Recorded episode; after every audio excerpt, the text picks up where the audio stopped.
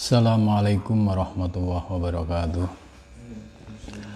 Ila khandratina bil Mustafa Rasulillah sallallahu alaihi wasallam wal ikhwanihi minal anbiya al mursalin wal awliya wasyuhada wasyalikin wal malaikatil muqarrabin. Khususan musannif bandal kitab Mishqadul Anwar Syekh Abu Hamid Al-Wazali. Wa khususan wasadi wa masjid. Lahumul Fatihah. أعوذ بالله من الشيطان الرجيم. بسم الله الرحمن الرحيم. الحمد لله رب العالمين الرحمن الرحيم. مالك يوم الدين. إياك نعبد وإياك نستعين. اهدنا الصراط المستقيم. صراط الذين أنعمت عليهم غير المغضوب عليهم ولا الضالين. بسم الله الرحمن الرحيم. Subhanaka la ilma lana illa ma 'allamtana innaka antal alimul hakim. La haula wala quwata illa billahil aliyyil azim Rabbi li sadri wa yassir li amri wa hlul 'uqdatam min lisani yafqahu qawli. Amin ya rabbal alamin. Qala musannif rahimahullah wa nafana bihi wa bi ulumi fi darini amin ya rabbal alamin. Kita melanjutkan kajian Mishkatul Anwar ya.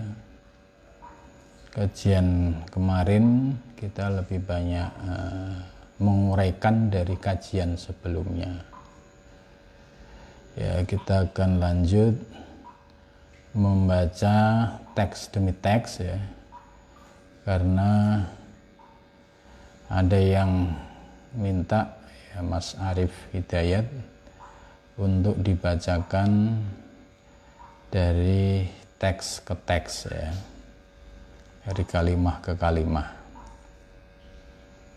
Hmm. jadi harus ada perpaduan ya. Kita membaca teksnya dulu baru kita uraikan.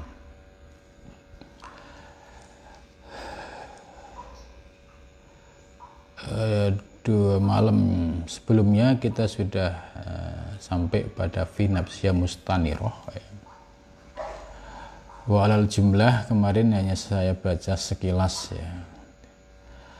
Wa alal jumlati dan atas jumlah ya, jumlah itu bisa dimaknai dari apa kesimpulan dari keterangan di atas ya Fanuru maka bermula cahaya. Ya. Itu ibaratun ibarat amma dari sesuatu yub soru yang dapat dilihat binapsihi dengan dirinya. Itu ini penjelasan bahwa cahaya itu merupakan sebuah ungkapan tentang sesuatu yang dapat dilihat. Ya contoh ya dari kemarin saya contohkan lampu di ruangan ini ya itu namanya cahaya itu. Karena apa? Dapat dilihat ya. Dimatiin ya jadi gelap.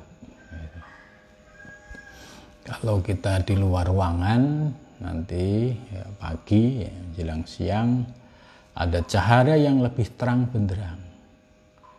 Yaitu amma yubsorub finapsi ya, kelihatan uh, sumber cahayanya yaitu matahari. Wayub soru dan dapat dilihat bihi dengannya apa rohu selainnya. Ya jadi selain uh, dapat dilihat dan dapat dilihat oleh selainnya. Kasamsi seperti cahaya matahari ya. Hada bermula ini hadduhu itu batasan nur wahkikotuhu dan hakikatnya bil wad'il awali ya ini kalau kita terjemahkan bil wad'il awali sesuai dengan definisi yang pertama. Kan di awal kemarin Imam Ghazali menjelaskan bahwa nur itu memiliki tiga pengertian. Nur bagi orang awam, nur bagi orang khusus, atau khawas nur bagi khawasul khawas ya.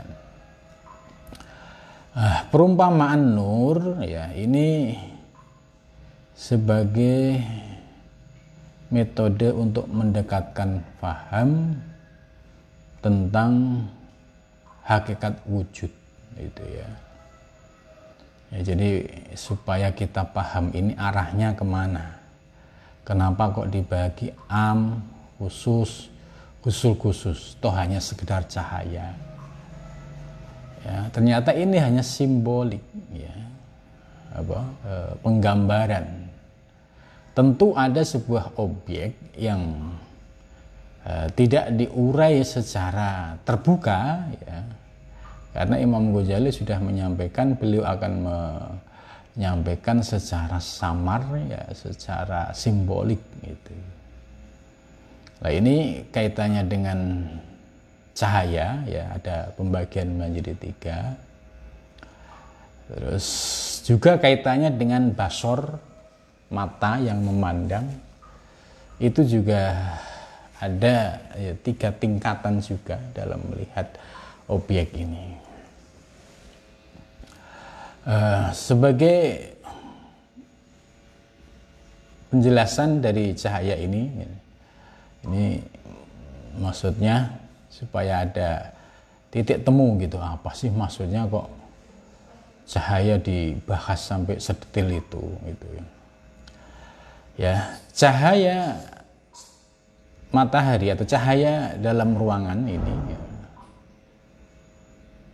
ini bagi orang awam dia akan melihat cahaya ini sebatas dari cahaya yang lahiriah ini gitu. Tidak berpikir lebih mendalam lagi gitu ini definisi uh, cahaya yang pertama. Jadi cahaya yang dimaksud adalah cahaya fisik. Kalau matahari ya cahaya fisiknya matahari. Ya, kemudian yang kedua ya, ini untuk khawas ya, kaitannya dengan Cahaya yang dimaksud cahaya itu bukan berarti berdiri sendiri gitu. Ya. Contoh uh, listrik yang ada di ruangan ini atau cahaya lampu cahaya ini kan tidak berdiri sendiri. Kalau hanya lampu LED seperti ini ya kan buktinya kalau dia tidak ada jaringan listrik ya, dia ditaruh ya nggak bakalan keluar cahaya. Lah, pendekatan yang kedua ini mulai dilakukan secara eksploratif yaitu menggali. Oh, itu kok ada cahaya? Cahayanya dari mana? Gitu. Nah, ini sudah khawas namanya. Ya. Kalau yang pertama sekedar melihat wujud cahaya. Atau kalau kita eh, berikan contoh ya dari hakikat wujud ya. Manusia yang awam itu akan melihat objek alam semesta ini ya dari kacamata awam. Hanya sebatas melihat yang lahiriah lihat eh, pohon, lihat binatang, lihat gunung, lihat itu sebatas dilihat dari aspek lahiriah. Ya, dia di situ terhijab. Nah, pada, padahal ya bagi orang yang khawas itu sudah mulai digali kedalamannya. Oh iya, itu ada pohon dulunya ya dari biji. Ya. Terus siapa yang menciptakan biji? Toh kalau hanya biji, nggak ada objek uh, pendampingnya, tanah, air juga nggak bakalan hidup. Siapa yang punya air, siapa yang punya tanah, itu. Jadi uh, penalaran untuk menggali kepada substansi ini sudah masuk ke tingkatan khawas. Nah, tingkatan khawasul khawas itu melihat objek alam semesta itu sudah pandangannya sudah la maujuda illallah itu. Ini arah dari penjelasan nur uh, Imam Ghazali itu ke situ. Ya maka penjelasan definisi nur awal yang physically ya uh, ini menggambarkan bahwa nur yang digambarkan secara fisik oleh eh, awam tadi itu ternyata banyak problem, banyak masalah itu ya. Itu itu penjelasannya. Kita lanjut dakikoh ya, dakikoh itu mulai eksplorasi kedalaman ya. Lama karena tatkala ada sirun nur cahaya rahasia cahaya waruhuhu dan ruhnya nur wadduhuru yaitu kenyataan atau penampakan lil idrogi untuk dirasakan gitu. jadi ini sirun nur waru ha, waruhuhu jadi semakin uh, mulai jelas ya kalau yang awal tadi fanur ibaratun amma yubsuru fi wa yubsuru itu jelas jadi pandangan bilwat il awal pandangan yang pertama yaitu pandangan awam bahwa melihat cahaya sebatas fisik lah kemudian selanjutnya eh, ketika cahaya digali, dieksplorasi, ternyata ada sirun nur, rahasia cahaya. Waruhau dan ruhnya. Wadhuhurul lil idrak, yaitu kenyataan yang dapat dirasakan. Ini maksudnya begini. Uh, objek cahaya di ruangan ini, yaitu lampu LED, ya, ada dua saklar yang satu untuk tengah dua yang satu untuk pinggir ya, ada dua blok ya satu blok empat dua blok empat berarti delapan delapan sembilan sepuluh ya lah kalau pandangan am ya melihat cahaya ya sebatas cahaya ya dohir Misalnya sebatas permukaan.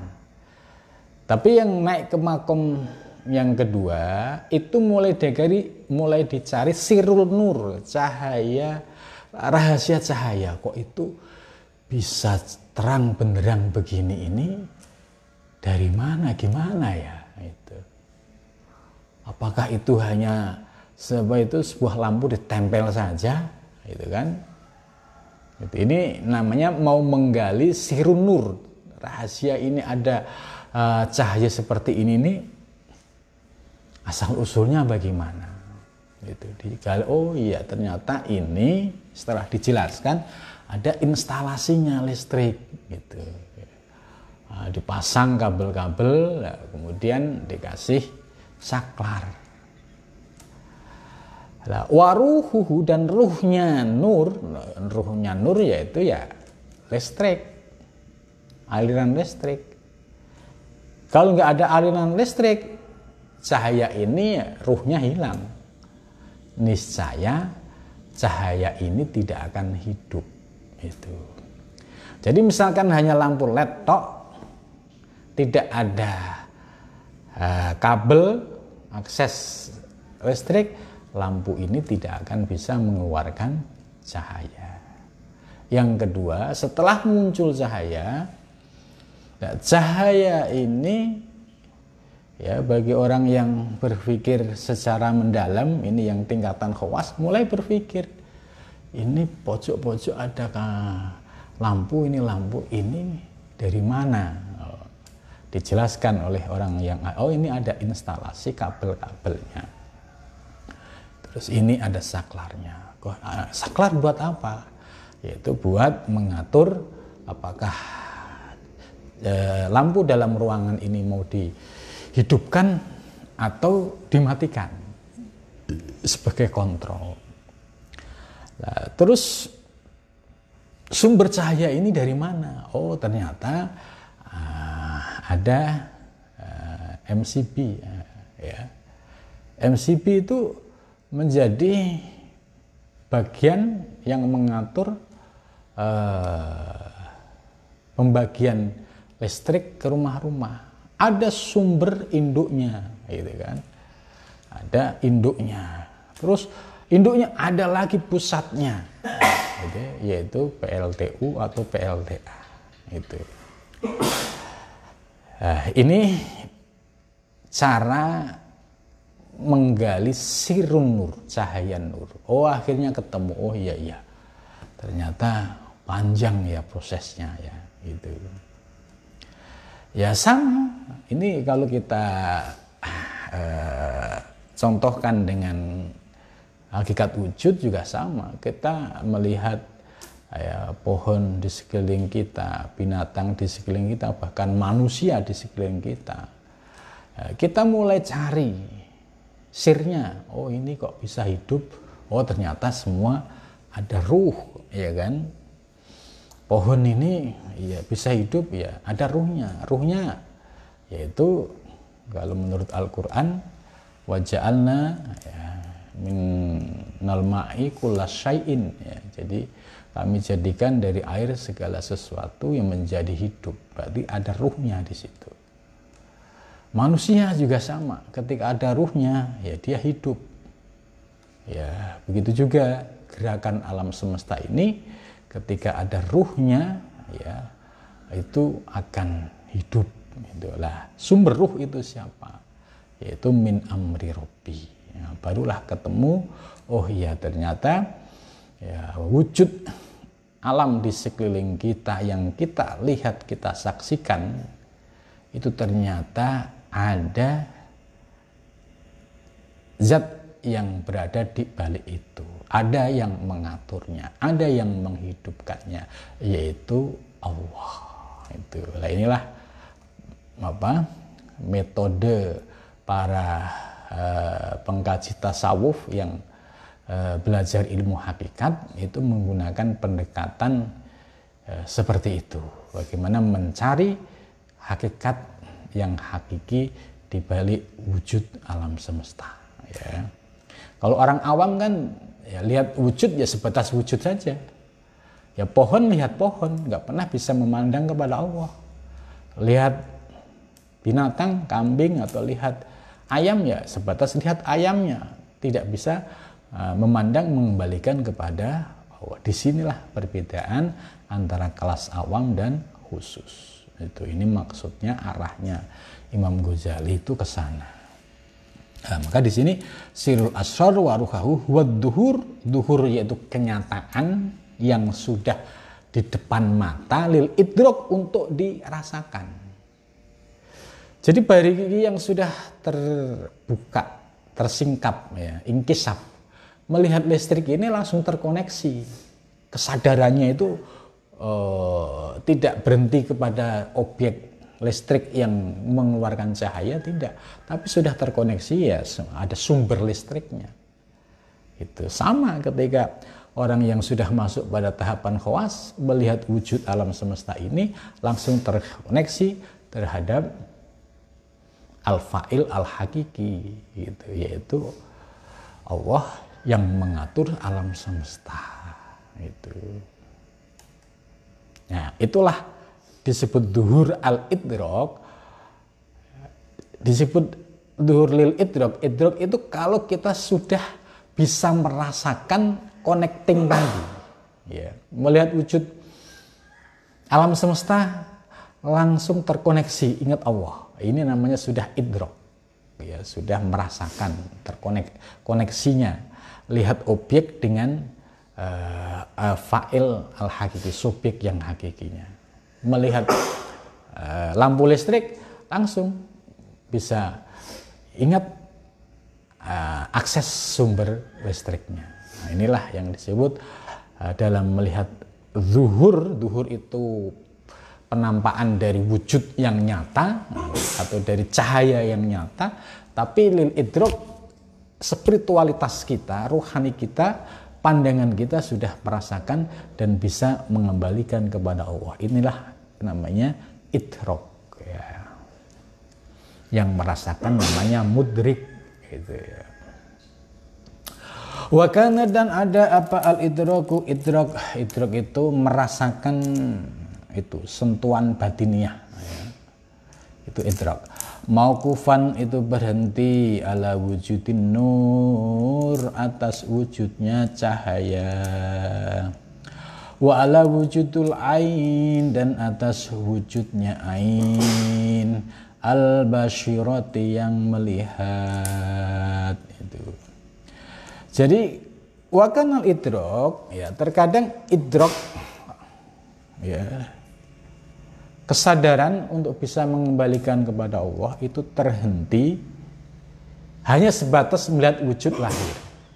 Itu, itu bisa mau kufan, bisa terhenti. Kalau kita terjebak pada wujud physically, fisik only. Jadi, melihat wujud alam semesta sebatas wujud, ya sudah kita terhijab, berhenti idrok kita, tidak merasakan apa-apa.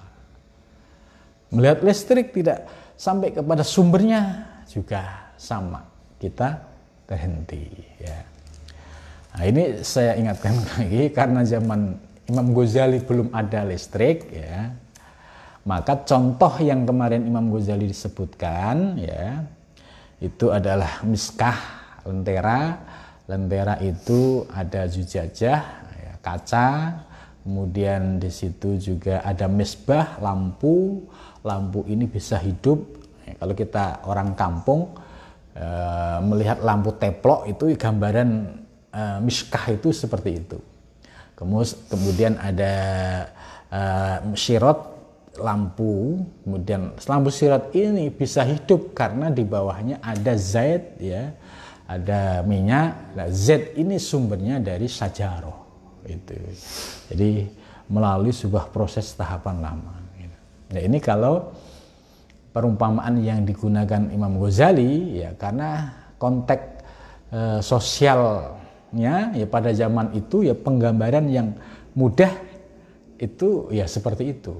Nah, tapi kita di era modern ya ya selain kita memang dulunya orang desa ya jadi ketika Imam Ghazali memberikan perumpamaan lampu teplok gitu ya atau stongkering ya kita langsung paham. Oh iya ya itu lah bagaimana relevansinya dengan kehidupan sekarang?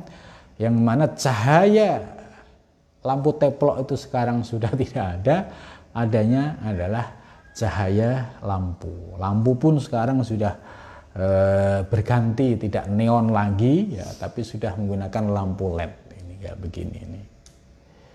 Ya ini harus bisa uh, apa itu? Menguraikan ya dari sisi substansi ya itu tetap memiliki uh, kesamaan ya bahwa lampu ini bisa hidup ya karena ada sumber listrik listrik kembali kepada uh, pusat pembangkit listriknya tenaga air apa tenaga uap itu ya.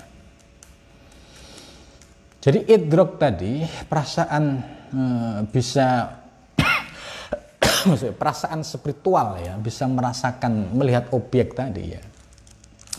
Itu terhenti kalau kita hanya sebatas melihat wujud nur yang fisik. Dan juga ala wujudil ain al basirah begitu juga ketika kita hanya sebatas wujud ain mata al basirah yang melihat. Nah, terkait dengan pandangan mata ya, ini juga sama ya sama. Ini ada orian juga yang sama. Ain kita mata kita ini kan ada kornea yang bisa menyebabkan li, melihat alam semesta objek ya. Ya ini kalau orang awam ya pandangannya akan berkata ya ada karena ada kornea mata. Itu. Itu. Sebatas yang nampak yang lahir ya. Tapi kalau orang yang khusus pandangannya sudah beda. Kornea mata ini hanya sekedar sebagai alat piranti ya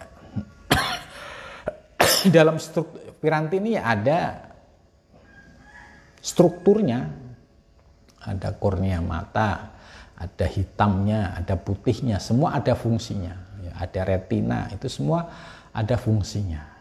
Ya. Ya sama persis kayak lampu ini kan ada strukturnya.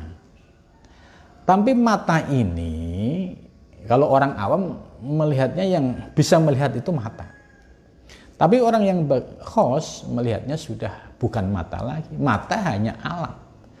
Kalau ini alat tidak ada ruhnya, terkoneksi dengan ruh, maka kornea mata tidak berfungsi untuk melihat. Gitu. Maka yang bisa melihat ya sesungguhnya karena ada ter, terkoneksi dengan ruh. Coba ruhnya diputus. Contoh, ketika orang yang uh, sudah meninggal, ya ruhnya diambil oleh Allah sehingga jasad ini tidak ada ruhnya. Apa yang terjadi? Mata kita, kornea masih utuh, cuma dibuka, ya kita ajak ngobrol nggak bisa, ya matanya sudah tidak berfungsi lagi. Itu, oh iya, baru dia punya kesadaran ternyata mata kalau sebatas kornea mata ini terhenti sebatas yang lahiriah. Maka harus disadari bahwa mata ini sebagai alat dia akan berfungsi ya kalau terkoneksi dengan ruh. Ruh itu dari siapa? Min amri robbi. Sehingga ketika memandang itu ya bisa dirasakan secara idrok itu bahwa ini adalah pandangan anugerah Allah Subhanahu wa taala itu jadi bahasa syariatnya itu seperti itu ya kalau dengan bahasa yang vulgar kan kadang nggak etis tapi dengan bahasa syariat ya bahwa saya bisa memandang bisa menikmati alam semesta ini ada adalah semata-mata anugerah Allah tanpa anugerah Allah terkoneksi dengan ruh, ruh itu min amri robi, niscaya kita mata kita tidak berfungsi untuk melihat sebuah objek. Ya. Ini jadi menurut uh, Imam Ghazali ya idrok tadi merasakan adanya connecting kepada Allah itu bisa terhenti kalau sebatas melihat wujud nur yang fisik dan juga hanya sebatas wujud ain mata al basiroh mata yang mata yang fisik ini yang kornea tidak dihubungkan dengan ruh ya, sebagai eh, apa yang menggerakkan ya sehingga mata ini bisa melihat. Tanpa ruh ya saya tidak bisa melihat. Ini penjelasan dari sini Aiden Idin nur ketik ya idin nur ketika bermula cahaya ya.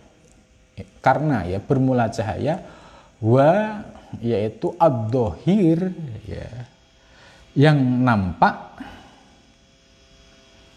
ya abdohir yang nampak al-mu al-madhar ya yang nyata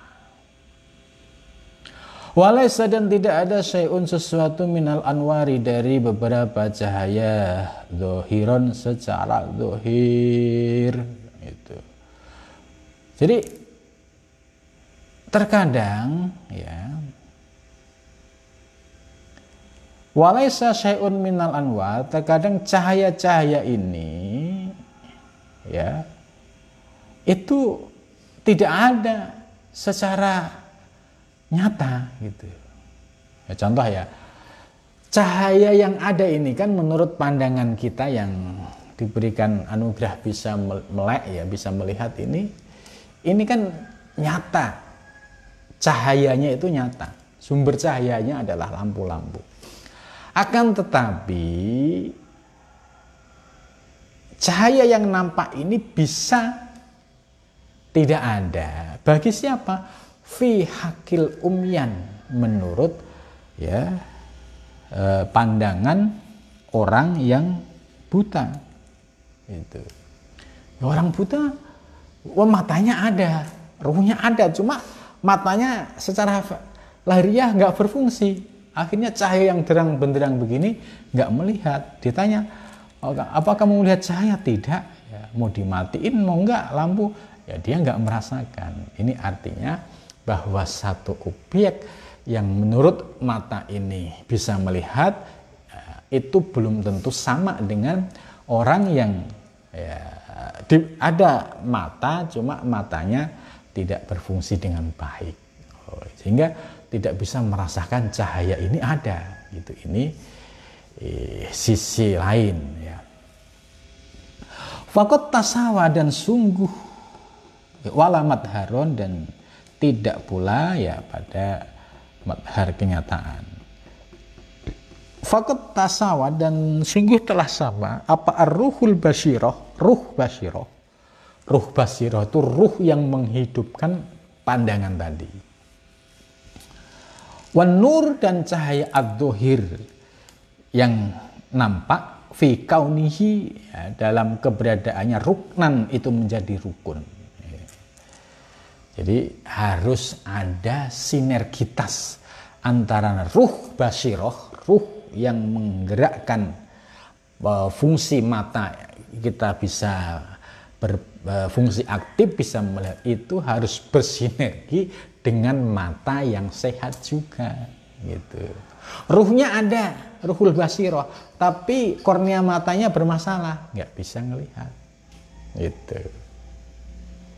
Gitu. Jadi harus sama-samanya. Dua-duanya normal. Atau matanya normal tapi ruh basirohnya nggak ada karena ruhnya sudah diambil oleh Allah. Juga matanya tidak bisa melihat secara jelas. Minhu lil idrok la buddha maka wajib. Minhu darinya lil idroki untuk merasakan. Jadi dengan adanya ruh basyiroh ruh yang menghidupkan uh, pandangan mata dan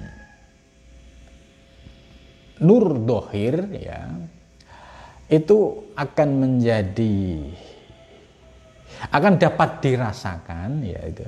Itu macam la butamin ya, maka dengan adanya pemahaman yang seperti tadi ada aspek ruh basyiroh dan ada pandangan uh, nur yang dohir karena ada uh, kornea mata yang sehat maka di sini seharusnya la butaminul itu seharusnya seperti ini harus bisa uh, menemukan merasakan tentang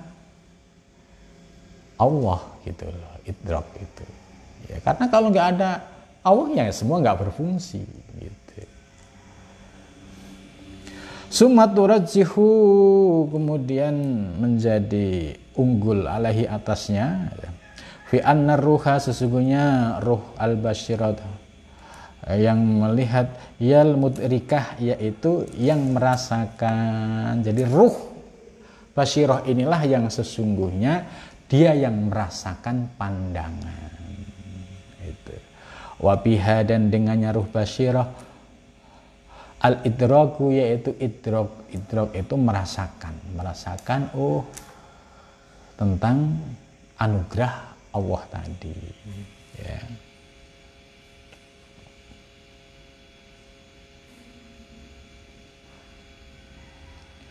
Wa aman nuran dan adapun bermula cahaya falaisa maka tidak ada bimudrikin dengan menemukan. Jadi kalau hanya sepatas cahaya toktil gitu itu tidak akan pernah kita bisa merasakan kehadiran Tuhan tadi.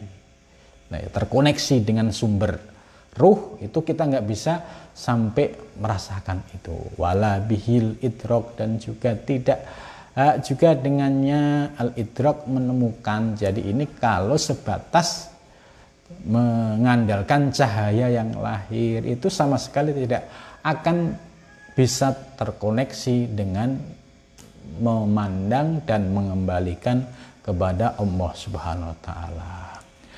Bal indahu bahkan di sisihnya al idroku idrok. Jadi sesungguhnya kalau digali secara mendalam itu pasti dibalik yang dohir-dohir baik wujud dohir baik cahaya dohir itu pasti di dalamnya kalau dirunut ya ada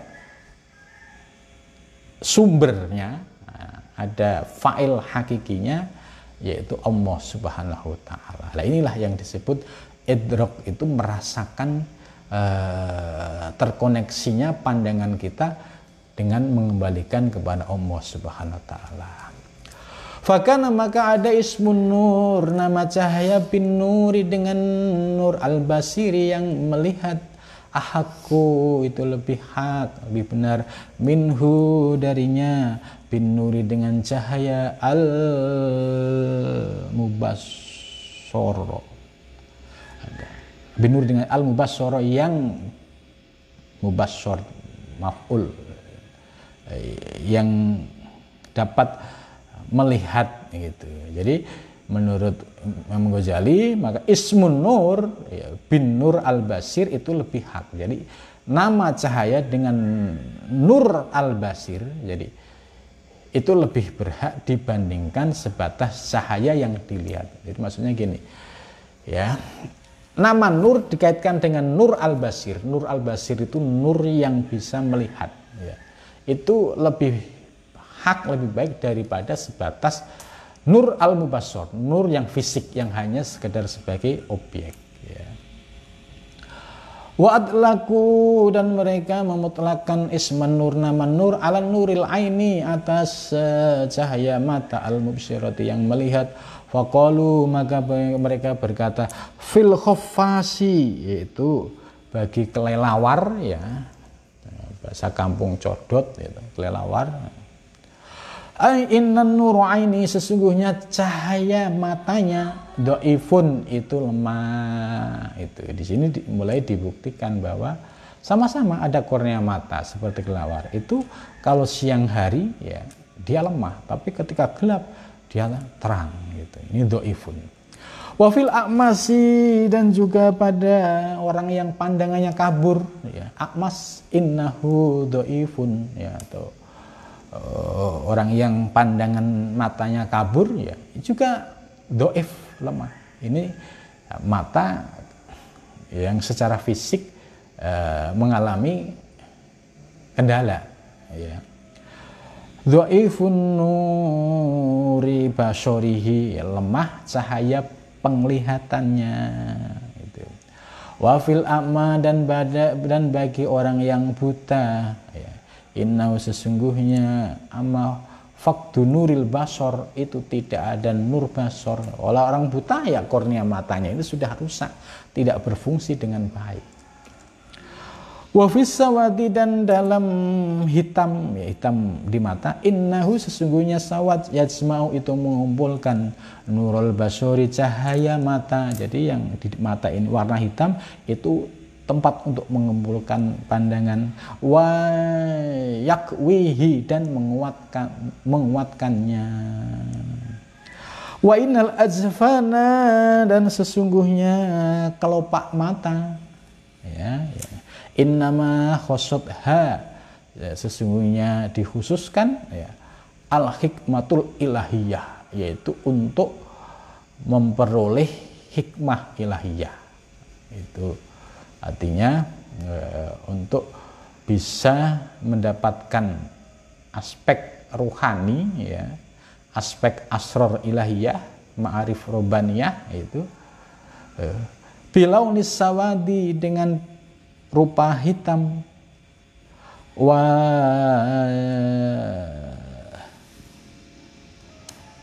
jaklul aini dan menjadikan mata mahfufatan lebih enteng biar dengannya litajma'a supaya kumpul.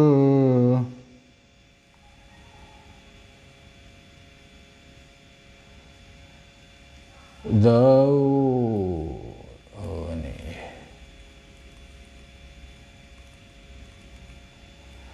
Litasma supaya kumpul. Litas dauul aini. Cahayanya mata Wa amal bayatu dan adapun putih, putih dalam mata, ya. Fayufariku maka membedakan apa bayat dau al aini cahayanya mata. Wa yudhaifu dan melamahkan nurahu cahayanya. Hatta ida ida mata nadri hingga sesungguhnya kelanggengan memandang ilal bayadi kepada uh, putih ya. al musyariki itu yang mengeluarkan cahaya ya bal ilan nuris samsi bahkan kepada nur matahari ya. bahkan kepada nurnya cahaya matahari ya hiru itu menyilaukan jadi nurul aini cahayanya mata. Jadi kalau mata kita telanjang ini melihat cahaya matahari itu yubhiru silau ya tidak bisa melihat yang sebenarnya. Wayamhakuhu dan membinasakannya ya atau mengalahkannya ya. Kama yan mahuku ya, sebagaimana mengalahkan apa ado ibu yang lemah? Fi bil qawi di sisihnya yang kuat. Itu.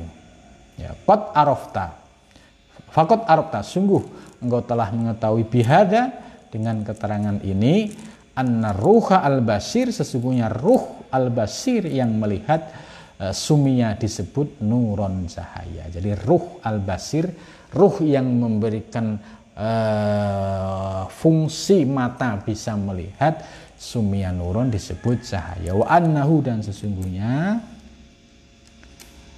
lam wa annahu lima sumia lima Wa anau dan sesungguhnya kalau lam masuk, kalau lam ada lam harus mudure ya. Lima sumia ya. Lima kenapa sumia disebut nuron cahaya. Wa annahu dan sesungguhnya lima kenapa? Karena ada bihandal ismi dengan nama ini aula itu lebih utama. Wahada dan ini huwal wad usani yaitu definisi yang kedua wahwa wadul khawas yaitu menurut uh, definisi atau pandangan orang khawas ya. Jadi kesimpulannya pandangan yang kedua ini sudah tidak sebatas ke pandangan fisik kornea mata tapi kepada ruhnya. Ruh al-basir ruh yang menghidupkan kornea mata. Inilah pandangan yang kedua yang disebut khawas tadi. Kalau yang awam adalah hanya panjangan fisik ya. Saya kira harus apa ini? Bertahap ya untuk memahami ini jadi dari teksnya ya kita bisa baca secara tertib kemudian oreanya ya juga kita bisa selang-seling ya supaya dari teks kemudian kita uraikan, kita jelaskan, itu bisa mudah dipahami. Ya. Karena kalau sebatas tok saja ini juga eh, kadang kita terbelenggu. Ya. Ini apalagi kalau wawasan eh, perangkat dalam memahami ini kita tidak dibantu dengan disiplin-disiplin ilmu yang lain ya, atau pandangan-pandangan uh, sufi yang lain ya ini uh, akan terbatas sekali. Maka dengan uh, basic kita memahami ajaran Ibnu Arabi, ya, kemudian sufi-sufi yang lain, ya, dengan perumpamaan-perumpamaan yang disampaikan Imam Ghazali, oh iya kita paham maknanya, arahnya. Nah ini yang uh, alhamdulillah kita diberikan kemudahan memahami itu ya. Saya cukup sampai di sini aja. Mudah-mudahan memberikan manfaat. Wassalamualaikum warahmatullahi wabarakatuh